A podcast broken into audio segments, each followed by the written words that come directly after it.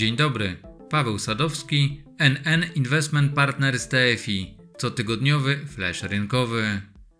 W ubiegłym tygodniu Wojtek Kiermacz wspominał m.in. o tym, że IKE oraz IGZE z funduszami NN Investment Partners TFI po raz kolejny wygrało ranking przygotowany przez firmy analizy online. To wyróżnienie to zasługa bardzo dobrze ocenionej oferty funduszy oraz ich wyników na tle konkurencji.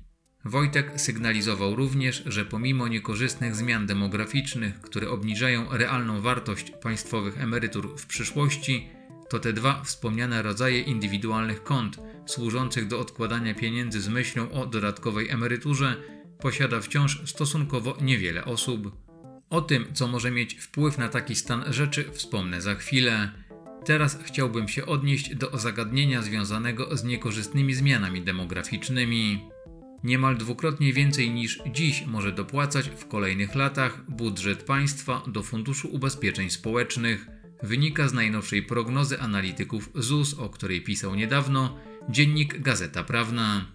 Powojenne roczniki wyżu demograficznego osiągają wiek emerytalny i tym samym zaczną pobierać świadczenia, tłumaczy prezes ZUS Gertruda Uścińska.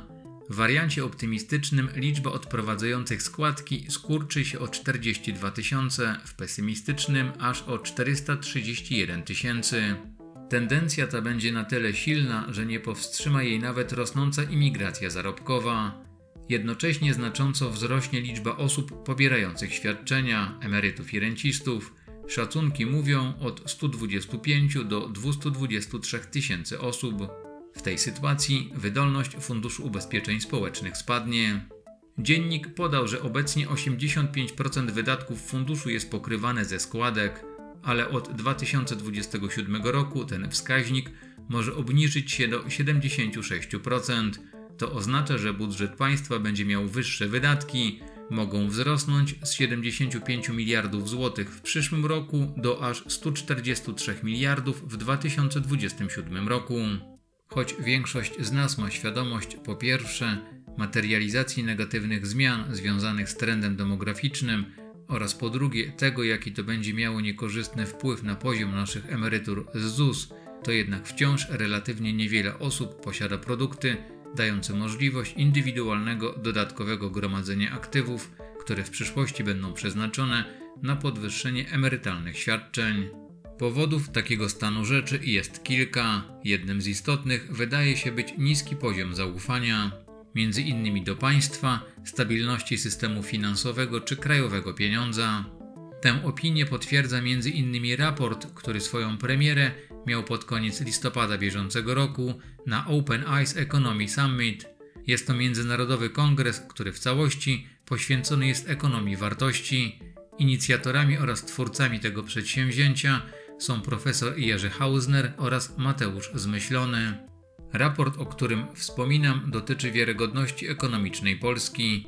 Składa się on ze 150 różnych wskaźników pochodzących z różnorodnych krajowych oraz międzynarodowych baz danych w odniesieniu do siedmiu obszarów.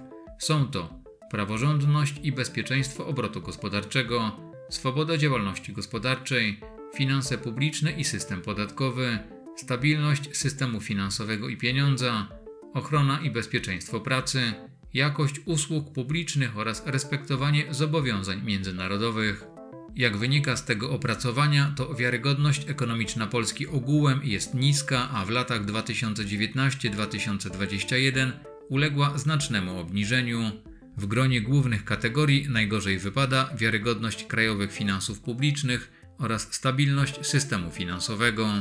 Jest to o tyle istotne, gdyż spadek wiarygodności ekonomicznej prowadzi m.in. do po pierwsze ograniczenia zaufania do krajowego pieniądza oraz braku wiary w skuteczność działań antyinflacyjnych. Rzutuje to również na postrzeganie instytucji odpowiedzialnej za kształtowanie polityki monetarnej oraz na atrakcyjność i przewidywalność szeroko pojętego lokalnego rynku finansowego.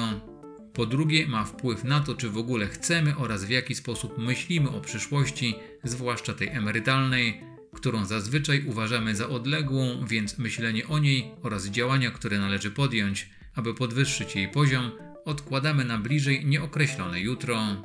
Na koniec pozwolę sobie na następującą konkluzję.